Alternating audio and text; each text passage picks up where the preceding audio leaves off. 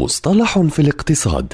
في كل حلقة يطرح المدون وصانع المحتوى الاقتصادي مجدي النوري مصطلحا اقتصاديا محددا بلغة سهلة وبسيطة.